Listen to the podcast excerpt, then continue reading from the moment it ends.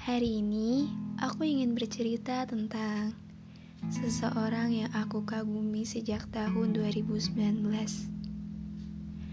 Seseorang yang sering sekali mengenakan jaket Levi's ke sekolah.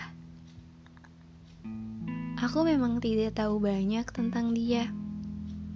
Tapi ini hanya sekedar pandanganku saja kepadanya.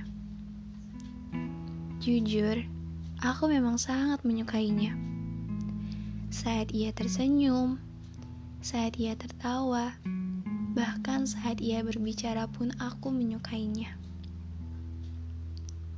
Menurutku suaranya lucu. Ya meski aku tidak pernah banyak mendengar suaranya, tapi intinya aku pernah mendengarnya kan.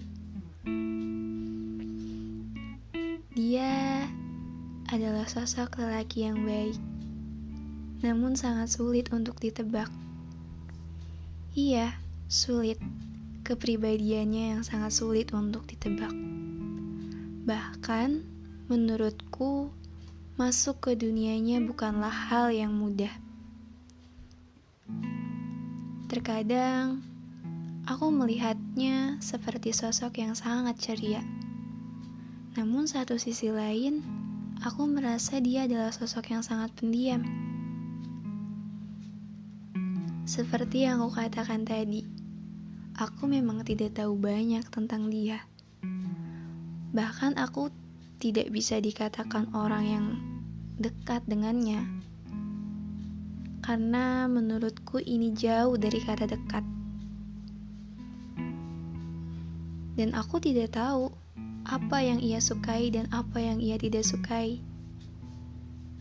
Untuk menanyakan hal-hal kecil tentangnya saja, aku hanya bisa menanyakan kepada temanku. Iya, temanku yang sekelas dengannya. Aku ngerasa aku punya kesenangan tersendiri saat aku menceritakan tentang dia. Mungkin teman terdekat aku pun sudah mulai bosan mendengar namanya lagi, ceritanya lagi, lagi-lagi tentang dia. Sampai suatu ketika ada seseorang yang bilang, Gak bosen dia lagi? Gak capek masih punya rasa sama dia sejauh ini? Bosen sih enggak, tapi kalau rasa capek pasti ada.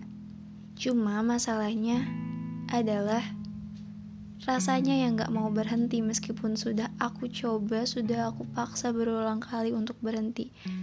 Bahkan sudah aku coba untuk menyukai orang lain, tetap baliknya ke dia.